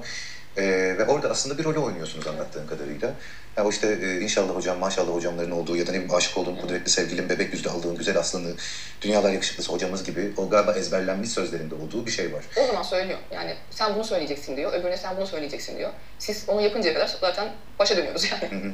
O tekrar tekrar kayıt ediliyor Evet. aslında onlar. Evet. Peki nasıl bir dünya var? O televizyon programı çokça tartışılan, e, bazen mizah malzemesi yapılan e, ya da ne bileyim işte gerçekten izlenen de bir program oluyor bir süre sonra. Zaten amaç o yani zaten onun insanları eğlendiren, e, mizah malzemesi yapılması. Yani bu popüler kültürde insanların yani bir yerde de böyle bir model olsun diye böyle e, kalmasını iste, istemesi. Yani amaç o yani. Canlı yayın bile olsa yayın kesiliyor. E, herkesin önünde böyle ciddi aşağılamalarla e, söyleye, yani bunları söyleyeceksin, söyleyinceye kadar baştan başlayacağız deniliyor. Ha- Bir de böyle bir durum var ya sosyal medyada olsun e, yaptıklarımız böyle kalsın. Hani böyle bir medya ayağımız da olsun ve herkes görsün bir şekilde bunların kaydı da kalmış olsun internette diye. Ve o kanal hala açık galiba. Bir bakmam lazım. Ama eğer hala açıksa üçüncü kez diyeceğim yani. Böyle sistemin içine sıçayım yani gerçekten. Ya, tabii YouTube kanalı kapatıldı falan filan gibi. Yani kült olsam bile YouTube'da ifade özgürlüğü Amerika'nın yasalarına göre olduğu için ifade özgürlüğü sınırları içerisinde ise e, şey yapılmıyor ve bence Türkiye'de de uğraşmıyorlar. E, niyeyse artık bilmiyorum. Hala faaliyetlere devam ediyor olabilirler. Çünkü Twitter'dan falan bazen görüyorum da siz de görüyormuşsunuz. Bana hep söylüyorsunuz, mesaj falan atıyorsunuz. E, bu olay da çok gıcık geliyor bana yani. Böyle kültlerin, tarikatların ay canım bir sosyal medya ayağımız da olsun falan diye her gün zorla paylaşım. Bir şey söyleyeyim mi? Benim o belediyede öğretmenken yaşadığım şeyler o kadar kültvari şeyler geliyor ki bana. Her gün zorla paylaşım yaptırırlardı. Yok hocam şunu beğenin şu. Ay neler neler anlatacağım size neyse. Neyse sonra. Sonra sürpriz bunlar. da bazen işte dayak yiyen kızlar oluyor falan. Sonra tekrar başlıyor. Yani e, bant olmayan yayınlarda da canlı yayında da kesiyor. Yani e, her 5 dakikada bir kesilen canlı yayınları biliyorum ben. Ay bununla ilgili de e, bir tane kız ağlıyor Adnan Oktar'a işte canım sevgilim falan filan derken ağlıyor ve böyle suratı robot gibi falan. Orada herhalde dayak yemiş yayın arasında. E, onu izleyebilirsiniz çok kötü ya. Of. Yani bunlar kanıt niteliğinde aslında şu anda hala internette durmaları bir yandan bize kanıt niteliğinde bu açıdan iyi ama hani ne bileyim işte hala duruyor olması ve bazılarının hala faaliyetlerine devam ediyor olması bir yandan korkunç işte. Gerçekten içinde ne hissediyordun? Atıyorum yakışıklı, kaliteli, şık, nurlu hocam derken ya da bu tarz cümleler söylerken bir de artık durumun da farkındasın ve e, inanmadığın şeyleri sürekli tekrar ederek söylüyorsun. Sen nasıl hissediyordun kendini? O an hani anda kalmak diye bir şey vardır ya. Hiçbir zaman o anda olmuyordum. Her zaman e, daha sonra çıktığımda ne yapacağımın anında oluyordum çoğu zaman. Artık hani tamamen e, o son yıllarda o bahsettiğim 3,5-4 yıl boyunca e, orada zorla kaldığım zamanlardaki vakitte o anda çoğu zaman olmuyordum. Yani bedenim o anda oluyordu ama ruhum daha sonra yapacağım şeyler de o planlarımda, kendimi geliştirmemde oluyordu. Bu şeyde bilmek için o anı ve söylediklerimi duyarsızlaşıyordun. Evet çünkü şu an o anda o anda oradayım. O saniyede ona ben itiraz ettiğimde ne olduğunu görüyorum ve yapabilecek bir şey yok. Ve e, itiraz etmediğimde de dediklerini yaptığımda da o anda orada ölüm yok. Yani ve eğer nefes alıyorsanız her zaman umut vardır yani istediğinizi yapmanız için. Nefes almaya devam etmek zorundaydım yani. Bir gün daha yaşamam gerekiyordu. Bir gün daha yaşıyordum. Aslında bir şekilde o tutsaklığın içerisindesiniz. Etrafta araçlar, silahlar vesaire insanlar. E, kaşık havası oynuyorsunuz Adnan Hoca ile beraber. Yani ne bileyim o dünyanın İşte o içerisinde. zaten bunun için bunu yaptırıyor. Yani sen oradan ayrıldığında e, insanların konuştuğu tek şey o olsun diye bunu yaptırıyor. O biliyor ki ben oradan ayrılacağım ve insanlar diyecek ki ama sen geçen gün aldığın notun karşısında oynamıyor muydun diyecek. Bunun e, bu videonun ilk çıktığında bu video yorumlarına bakmıştım. Bazı geri zekalılar hala ya sen madem bu kadar biliyordun o zaman çıkmasaydın abi bu kız çok salak iki yüzlü falan. Amına koyayım çok biliyorsunuz ya. Gerçekten çok biliyorsunuz. Ben böyle yorumlara aa ya ne kadar akıllı bir kız yani ne kadar zeki bir kızmış. Gerçekten çok böyle konuşması falan çok güzel falan gibi bir şeyler yazmak için yoruma girmiştim. Bir sürü sik kafalıyla karşılaşmıştım yani. İşte insanlar böyle ya. Neyse. O zaten ben bu zorluğu çekeyim diye bunu yaptırıyor. Eğer oradan kaçacaksan hayatın tamamından kaçacaksın. Yani artık e, kendi tanıdığın kişi olmayacaksın. Başka bir şeye dönüşeceksin ki insanlar seni hatırlamasın.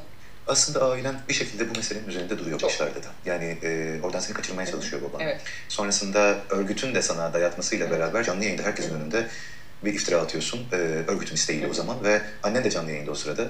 E, ve orada aslında böyle yaparak onları korumak ve uzaklaştırmak istedim Evet. diyorsun. Sen anlatır mısın? E, ben yapmasam onlar daha kötüsünü yapacaktı. Onlara benim o zamanki düşüncem fiziksel olarak zarar verebilirlerdi. Daha farklı kişilere, hiç tanımadıkları kişilere cinsel e, istismar suçu attırabilirlerdi. E, çok daha kötüsünü yaparlardı. Ve ben ona bu anda, yani o anda bunu inandığım için yaptım dediklerini. Başın sağ olsun anneni kaybetmişsin. Teşekkür E, aslında cenazesine de gidememişsin Evet. örgütün içinde olduğun zamanlarda ve ailene Ceylan gelmek istemiyor diye söylemiş Evet. Haberim Ee, bile yoktu halbuki. Haberim bile yok. Yoktu. Allah'ım gebereceğim. Düşünsenize babanın o anda ne hissettiğini. Kız, anne ölüyor, kız cenazeye gelmek istemiyor. Ya bu saf kötülük artık biliyor musunuz? Yani bu saf kötülüktür. Dinledikçe böyle sinirlerim tepeme çıkıyor ya. Bir de çok kötü bir travma değil mi ya? Anneyle yüzleşememiş. Annem aslında olay şuydu buydu diyememiş. Annesi o şekilde göçüp gitmiş mesela. Bunun yüzleşmesini Allah'ım çıldıracağım. Nasıl yapacak mesela? Ama biraz rahat konuşuyordu. Demek ki yeterli psikolojik desteği aldığına göre bu konu hakkında gözyaşlarına boğulmadan konuşabiliyor yani. Ben ben bunu çıkardım yani. Ge- gerekli desteği almış. Bayağı akıl sağlığı yerinde gözüküyor benim şu an baktığım yerden. E, bir anneyi kaybetmek nasıl hesaplaşmalardan geçersek geçelim. Evet. E, ne kadar farklı olursak olalım. Her yaşta insanı çocuk yapar. Başka Evet, bir yani ben e, oradan ayrıldıktan sonra annemle görüşemediğim için e, ondan asla özür dileyemedim. E, sonuçta ben oradan ayrıldıktan sonra babamla Bunun ağırlığını e, düşünemiyorum bile.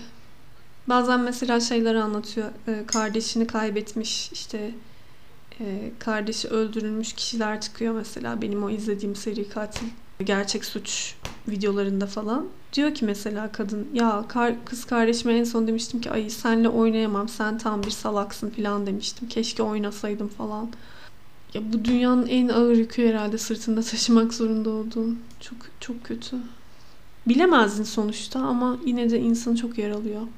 Ben de mesela çöreğin yükünü omuzlarımda hep taşıyacağımı düşünüyorum. Eğer onu farklı bir veterinere götürseydim e, belki de ölmeyecekti falan gibi. Bilemezdim. Evet ben de bilemezdim. Ama bunun yükü yine de insanın sırtında eksilmiyor yani. Hep kalıyor bir şeyler. görüşürken e, işte selam baba ben geldim demedim tabii ki. Yani babam hiçbir zaman benden açıklama beklemedi. O beni anladı. Ama ben yine de yani geçmiş için tabii ki ondan özür diledim. Ondan, akrabalarımdan, herkesten, üzdüm herkesten. Bildiğim kadarıyla. Ama annemle böyle bir şansım olmadığı için e, o ara sıra hep aklıma gelir. Orada bir e, olayı kapatma e, imkanım olmadı kafamda. Evet Gerçekten evet insanın aklına gelmemesinin imkanı yok böyle kapatamadığınız şeylerde. Mutlaka hep o insanın içinde bir rahatsızlık olarak kalıyor. Küçücük bir kutu. Orada bir rahatsızlık yani o asla yani böyle bir vücudunda bir iz olarak da düşünebilirsin. Asla geçmiyor. Annem her şeyi şaka üzerinden konuşan bir insandı. Ee, çok hasta zamanlarında tabii ki yanında değilim, bilmiyordum artık yani nasıldı o dönemleri. Ben onu her zaman e, daha sağlıklı, daha zinde zamanını hatırlıyorum. Ee, yani onu herhalde ya kusura bakma falan derdim. Ona o kadar böyle ciddi oturup konuşamazdık da e, oldu bir kere kusura bakma gibi bir şey söylerdim yani. Ne yapardı seni tanıdığın annen buna cevap olarak? Ee, olsun bir şey olmaz derdi. Annem takılmaz böyle şeyler yani. Ceylan şunlar söyleniyor, sen de okuyorsundur bazen. Oturup kendini ifade ettiğinde çok zeki, çok e, hakikaten donanımlı biri olduğunu ve sen de duymuşsundur. Ne oldu da bu kadar geç fark ettin? Ne oldu da bu kadar geç çıktın? Ya da senin donanımındaki biri nasıl bu sisteme hizmet etmeye devam edebildi gibi sorular geliyor. Sen ne diyorsun bunlara cevaben? Geç fark etmedim de çıkamadım. Ee, aslında e, ilk birkaç yılda fark ettim, sadece çıkamadım. E, o bahsettiğim sosyal destek alanlarının kapatılmış olması, e, belki birçok yerde artık daha önce çalıştığım, bağlantılı olduğum, çalışamayacak, çalışamayacak hale getirilmem, e, ailemle, ben oradan ayrılırken babamın bir daha beni görmek isteyip istemediğini bile bilmiyordum. Yani e, ben oradan ayrılırken e, biraz herhalde böyle bahar ayına denk getireyim, muhtemelen birkaç gün bankta yatacağım diye düşünerek ayrıldım. Ben oradan ayrılırken sadece kimlik kartımı alarak ayrıldım yani. Ben oradan ayrılırken telefonum bile yoktu. Yani bunu yapamadım. Daha önceden yapamadım. Or- Oradan ayrılmak. E, peki o zaman ben ayrılıyorum. Benim için daha yani herkes için zor. E, işe gidip gelen erkekler var. Onlar bile kaçarak ayrılıyor. Düşünün. Ama benim için ekstra ekstra ekstra zordu. Yani ben oradan kaçamadım ve ayrılamadım. Ki operasyondan sonra benim kaldığım evin e, nasıl bir kaleye dönüştürüldüğü herhalde artık basında yansımıştır. Dolayısıyla hani o zaman ilk başta da dediğim şeyler insanlara biraz bir fantastik gelmiş olabilir ama e, yani insan kendi yaşadığı hikayesinde e, böyle işte Superman filmindeki gibi çatıdan atlayıp böyle uçarak falan çatıdan çatıya böyle zıplayarak öyle bir şey yok yani gerçek dünyada öyle kaçamıyorsunuz. Devam ediyor mu tehditler ya da ne kadar Ediyor. devam etti? Öyle mi? Ediyor evet. Nasıl tehditler? E, sosyal medyadan böyle yazanlar oluyor işte. E, sen böyle rahat rahat yaşayacağını zannediyorsun. Senin de günün gelecek falan falan böyle. İlk başta birkaç tane böyle uzaklaştırma falan almıştım böyle insanlar kim olduğu belli olan kişilere. Sonra baktım onun ucu kesilmeyecek. Şu anda yok gibi davranıyorum yani. Çünkü korkarak yaşayamam. Yani korkarak yaşayamayacağımı zaten oradan ayrılmadan anlamıştım. Şu anda da o inançla devam ediyorum. Zeynep kaçtığın günü nasıl hatırlıyorsun bugün? Nasıl bir gündü o gün? Yani inanın onların arasında herhalde çok heyecanlı bir e, gün geçtiği için en az kaçtığım günü hatırlıyorum diyebilirim. Ama e, babam e, beni almaya geldi.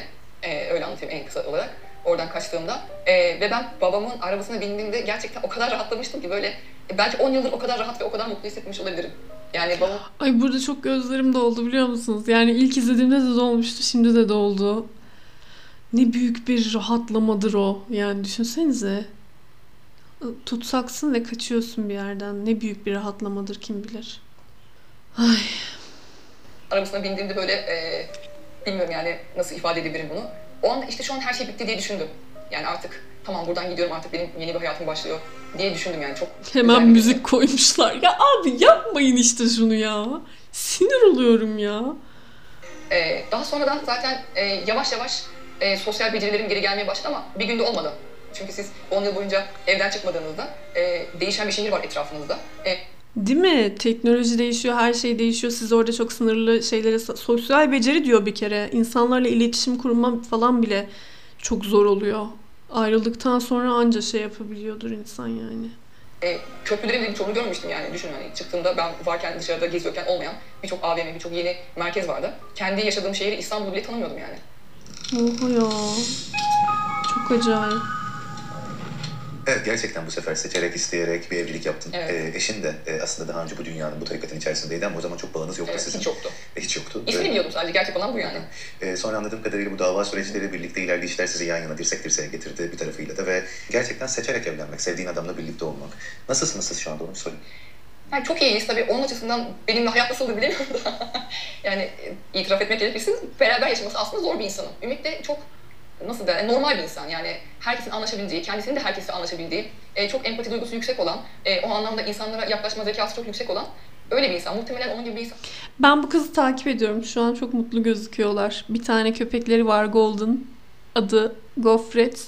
Ne bileyim ya çok ya bilmiyorum kendime çok yakın hissediyorum. Çok üzüldüm yani haline. O yüzden takip ediyorum böyle çok hani kızlar arasından en çok e, bağ kurabildiğim bu kızdı benim. Kiminiz mesela bazılarını söylüyorsunuz ben o Fashion Lala mıydı neydi Gizem bilmem ne falan ben onu çok takip ediyordum da çok seviyordum da falan YouTuber'dı birden kedicik çıktı falan diyenleriniz oldu. Ben en çok bu kızla böyle anlattığı şeylerden dolayı en çok beni etkileyen kız bu oldu yani. Evlenmesem herhalde evlenmezdim diye düşünüyorum. Zaten evlenme fikri yani birisiyle evleneyim. Yani bu kurum oluşsun öyle bir şey kafamda yoktu. Ümit olmasa da düşünmezdim. Güzel olun beraber, yolunuz da açık olsun, Teşekkür keyifli bir hayat olsun. Babanla nasılsınız Zeynep? Çok iyiyiz. Yani bana göre çok iyiyiz. Yine onun versiyonunu bilemiyorum. Ona göre de benim yaşam biraz zordur herhalde. Ee, babam çok e, Niye böyle insandır. diyor ki ya? Niye kendisiyle yaşamının zor olduğunu düşünüyor mesela? Onu anlamadım. Keşke sorsaydı. Ee, ve bu tip konuları asla gündeme getirmedi. Yani biz onu ilk gün bile benim huzurumla çok çok az konuştuk. Hiç konuşmadık. Ee, benim fikirlerime, hayattaki tercihlerime, özel hayatıma hiçbir şey müdahale etmez. Çok saygı duyar. Merak eder, baba olarak ilgilenir, sorar. Ama müdahale anlamında müdahale etmez. Eğer sorarsan fikrini söyler, e, gerekçeleriyle beraber, e, gerekçelendirerek. E, yoksa çok saygı duyar yani benim yaşantıma. E, o yüzden hani yetişkinliğimle tekrar bağlantı kurduğum bir insan olarak en ideal baba diyebilirim babam için. Sana kedicik dendiğinde ya da kedicik lafı edildiğinde e, herhangi bir yerde hakkında orada ne hissediyorsun? Ya bu aslında ilk başta kötü bir şey hissetmiyordum bu konuyla ilgili. Sonuçta ne var ki kedicik lafında diyordum yani hani insanlar yani hakaret etme amacıyla söylemiyorlar falan diyordum. Fakat sonra bu operasyon sonrası benim basına verdiğim bazı e, demeçlerde işte konuşmalardan sonra onun olayı hafifleştirmek için kullanıldığını daha sonradan anladım. Bunu anladıktan sonra da ilk başta o zamanlar biraz şey olmuştum. Böyle itici geliyordu. Ya işte böyle böyle diyorsunuz ama yani hani konu bundan ibaret değil gibi böyle bir itici gelmeye başlamıştı. Bana Şu da öyle geliyor. dendiğinde sanki böyle dışına çıkıp bedenimin uzaktan konuyu izliyormuş gibi izliyorum. Yani, yani şu anda ben mesela bu anlattıklarımı e, sanki benim hayatım değilmiş onlar. E, başka birisinin hayatını ben dinliyormuş gibi dinliyorum. Yani öyle bir videomu da açıp eğer karşıma gelirse izlersem ama hani 40 yılda bir olursam mecbur kalırsam veya onun olduğu bir ortama girersem oluyordu o dönemde çok fazla. Ben de yani diğer insanlar gibi ay ne kadar gerizekalı bir kızmış oraya mi diyorum yani. yani. Ben de dışarıdan bakıyorum o zaman. Çok başka bir yerden anlattın hikayen. Çok küçük yaştan itibaren güç istemişsin. Tek başınalık yani hükmetmek belki bir yanıyla da hani kendi varlığınla hükmetmek istemişsin. Ve bunu yaparken de erken yaştan itibaren aslında belli duygulara duyarsızlaşmışsın öyle anlatıyorsun. Erken yaşta da öyleymiş. Anne belki duyguları çok ortada Ta- Şey adamın sesi biraz düzeldi. Gerçek doğal sesine daha çok yaklaştı. Başta çok rol kesiyordu. biri olduğu için de.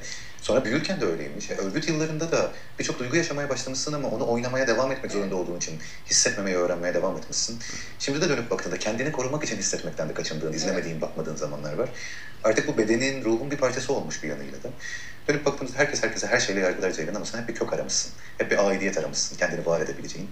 O yüzden de cesaretine kızıyorsun ya başta yani. O kadar kuvvetli bir istekmiş ki o hep o cesaretle aidiyet aramaya devam etmişsin. Gerçekten ait olduğun kişiyi, insanı kendinde bulmaya başlamışsın. Evet, doğru. Umarım da devam eder. Teşekkür ederim. İyi ki geldin. Teşekkür Çok ederim. sağ olun beni anladığınız için. Evet. Neyse sonunda bitirdik bu adın noktar meselesini kapattık. Dediğim gibi eğer e, merak edenleriniz varsa daha fazla o iki kitabı okuyabilirsiniz. Yüzyılın davası bir tanesi de Kod adı Sapkın. E, bir de işte zaten YouTube'daki diğer e, kedicik, bacılar falan e, isminde. Yani maalesef isimler böyle konulmuş. Yani yapabilecek bir şey yok ona da. E, böyle şeyler izleyebilirsiniz. Kadınlar çok daha acayip şeyler falan anlatıyorlar ama genel hatlarıyla bundan ibaret işte olay. Ben de böyle bir artık yani bir hani kimse bir şey yapmıyor bu konuda ki yani bir ne, Netflix'te bir belgesel olsa süper olmaz mıydı ya? Yani kimse böyle toparlayıp bir medya haline getirip neymiş ne değilmiş filan şey yapmıyor. Ben de bir bu tarz bir toparlanmış bir iz bırakmak istedim en azından ki insanlar merak ettiklerinde böyle bir yere gelip dinleyebilsinler falan diye. Ama tekrar sesleniyorum buradan yetkililere. Abi artık şu olayın bir şey yapın yani. Bir toparlayın siz de yani. Ben götüm çatladı biliyor musunuz? Yani bu olayı aşırı merak ediyordum. Ve Ceylan Özgül'ün videosundan önce de böyle uğraşıp bulana kadar götüm çatlıyordu. O videoyla biraz böyle merakım giderildi ve en son bu çizgi romanı da okuyunca artık iyice kafamda yerleşti yani. Öyle. Ama internette böyle kendi başınıza dolaştığınızda bir şeyler bulmak bayağı zor bu konuyla ilgili. Ee, o yüzden iyi ki yani o iki kitap çıkmış ve iyi ki o çizgi romanı da halka açmışlar yani. Çünkü artık hani şey yani bunlar kamu davası mı deniyor artık böyle hani bütün toplumu ilgilendirebilecek olan olaylara. Bütün toplumun bilmesi lazım böyle şeyleri yani bence. Ben öyle düşünüyorum. Neyse. Ee, öpüyorum hepinizi. Çok çok çok çok çok çok çok çok çok iyi bakın kendinize. Ee, artık e, bir sonraki şeyden podcast bölümünden itibaren daha normal konuları konuşmaya, daha böyle taşak muhabbeti yapmaya devam edebiliriz. Bye bye.